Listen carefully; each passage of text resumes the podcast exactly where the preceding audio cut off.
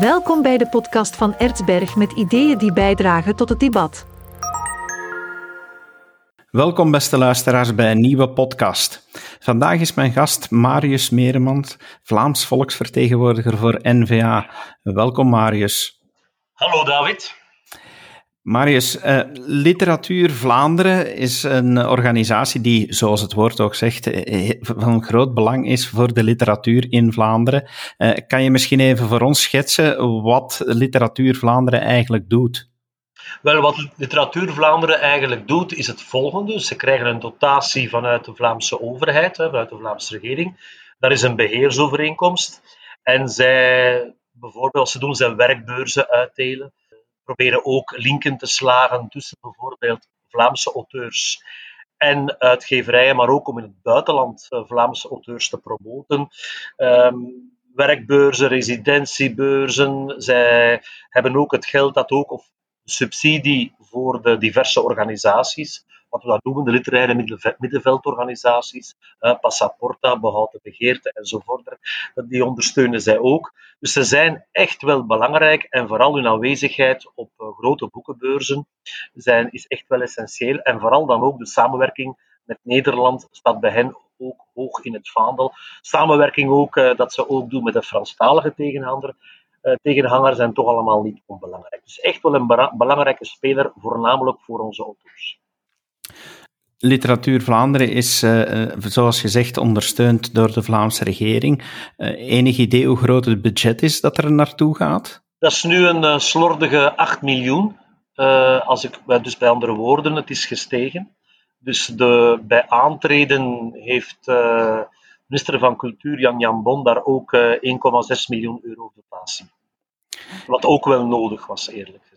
Ja, maar nu vragen zij om meer geld. En u als ondervoorzitter van de Commissie Cultuur, uh, u, steunt hen daarin, heb ik begrepen. Wel, het gaat voornamelijk um, voor dat literaire middenveld. Hè. Dus het gaat over zes organisaties, waaronder Behouden Begeerte, uh, Passaporta's en er nog een aantal.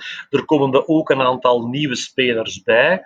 En ja, het is wel legitiem om te zeggen, die middenveldorganisaties, die moeten wij wel in stand houden. Dat behoudt de rijkdom van het Vlaamse literatuurlandschap.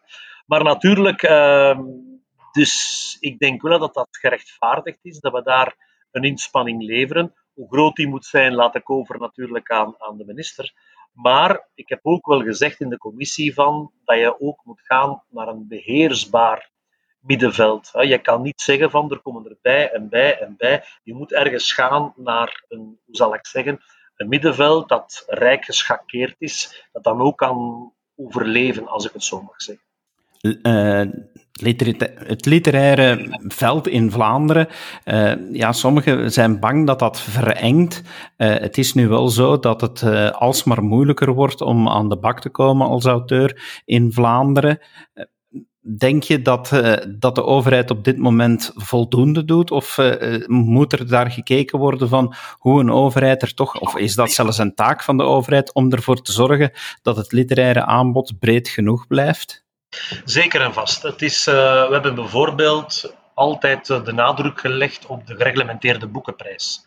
De gereglementeerde boekenprijs, um, ja, dat is toch bewezen dat eigenlijk de, hoe zal ik zeggen, de rijke schakering in stand houdt, als ook uh, een aantal, hoe zal ik zeggen, boekhandels. We hebben de grote spelers, we hebben ook kleinere, en we zien dat toch wel belangrijk is. Dus daar kan een overheid in optreden, net zoals Nederland dat ook gedaan heeft en, en andere landen. Dat hebben we bekomen, dat is onder Sven Gatstam uh, ingevoerd. Ook al was de VLD aanvankelijk daar geen voorstander van, heeft Sven Gats dat toch wel ingevoerd. Dat is wel belangrijk. Je moet natuurlijk niet in de plaats gaan treden van de privé, maar je moet wel als overheid dat aanmoedigen. En je moet proberen uh, zaken in beweging te brengen.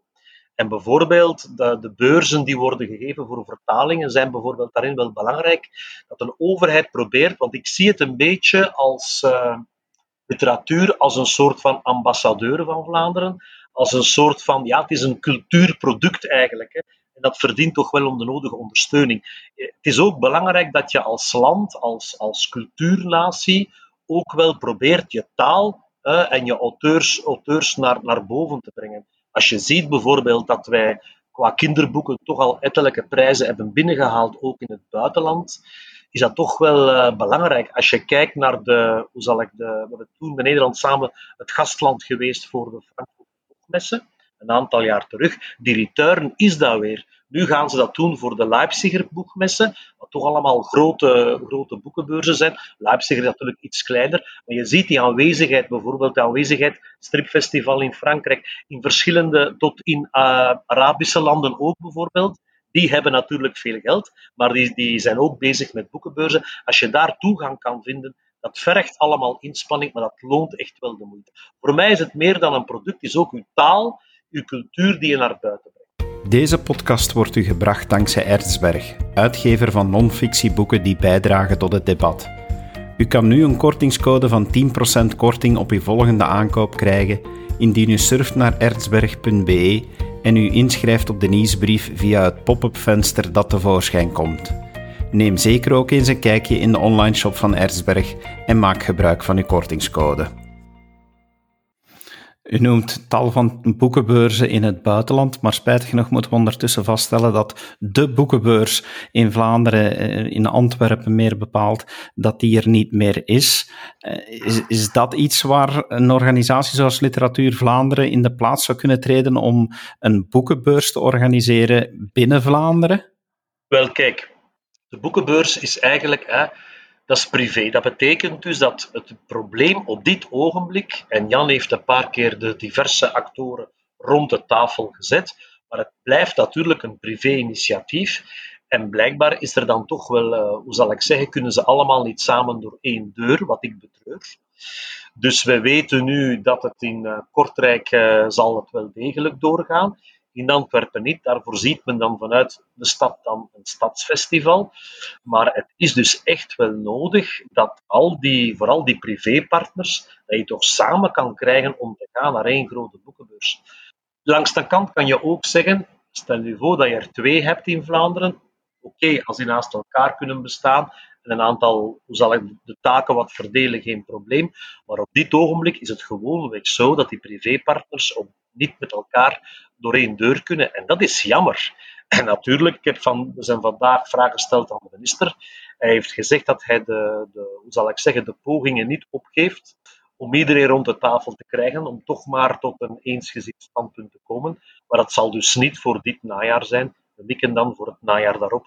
Maar dit is alleszins geen goede zaak voor, uh, voor de literatuur en zeker niet voor het Vlaamse boek, sowieso. Jeugd leest altijd maar minder, uh, stelt men vast. Welke initiatieven zouden er best komen om, bijvoorbeeld in samenwerking met bibliotheken, om jeugd terug meer kennis te laten maken met de boeken die er zijn voor hen? Wel, je moet dat doen.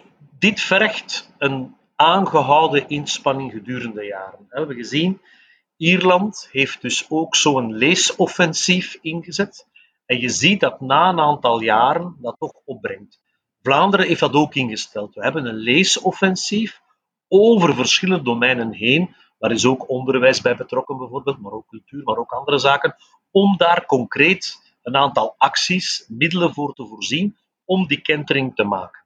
Um, ik verwijs ook naar het, uh, het klinkt allemaal misschien, maar het begint echt wel heel erg jong. Bijvoorbeeld, uh, het noemde vroeger Boekbabies, het heeft nu een andere naam, maar het heet nu Boekstart. Dat is dus eigenlijk van in de, dat je kleine kinderen laat ja, met, met, met boeken in contact laat komen. Dat is heel speciaal. Ik heb, ben zelf ooit nog eens voorzitter geweest van een consultatiebureau van kind en gezin. Dat is ook al lang geleden. En daar hebben we dat ook ingevoerd. En je ziet dat meer en meer gemeenten dat doen. Al heel veel, maar nog niet allemaal. Dat is echt wel een zonde. Dus het is belangrijk dat die andere gemeenten meestappen in dat project. Ten tweede, denk ik dat uh, via het onderwijs, leesoffensief, uh, dat ook daar we moeten op, op gaan inzetten. Maar heel erg zwaar. Natuurlijk, het is belangrijk dat leerkrachten die voor de klas staan, ook een beetje de liefde voor de taal, de liefde voor het boek ook naar, naar voren brengen. Ik denk dat daar ook nog misschien wel wat werk is. En ten derde denk ik ook de blijvende ondersteuning van Literatuur Vlaanderen. En vooral heel erg belangrijk merken wij dat vroeger als mensen een lentefeest, kinderen hadden een lentefeest of een communie of wat dan ook, er wordt minder en minder een boek gegeven. Eigenlijk moet er een campagne ontstaan om te zeggen van mensen, koop eens een boek. En ik ben ervan overtuigd, als je die inspanningen aanhoudt, continu, met voldoende geld, en je houdt die jaren aan, dan krijg je een kentering. Dat hebben andere landen bewezen. Maar we gaan, we gaan eerlijk zijn, de leesvaardigheid, begrijpend lezen bij onze kinderen, gaat dus heel sterk achteruit. Dus daar, dat, zijn echt alarmbellen die afgaan. Dus daar moeten we echt uh, aan werken. Uh, het heeft volgens mij weinig zin om te zeggen, we gaan nu naar een boekenprogramma gaan. Daar geloof ik niet in openbare omroep. Waar ik wel in geloof, is dat, dat klinkt een beetje raar, maar schrijvers, dat moeten zo'n beetje ook wat bekende figuren worden. Hè? Mensen die zo wat speciaal zijn, die af en toe een programma opduiken, dat geeft dan ook weer al uh, meer liefde voor de taal. Maar het is, het is wel belangrijk. Hè? Bijvoorbeeld, wat uh, zijn naam Bart van Loo bijvoorbeeld, nu met Boerenpsalm. Hè? Ik vind dat echt wel knap. Dat is, ik, Boerenpsalm is echt een heel oud eh, of toch een oud Vlaams uh, werk, dat komt terug in de belangstelling. Het is belangrijk dat mensen dat doen. Dat vind ik echt wel goed.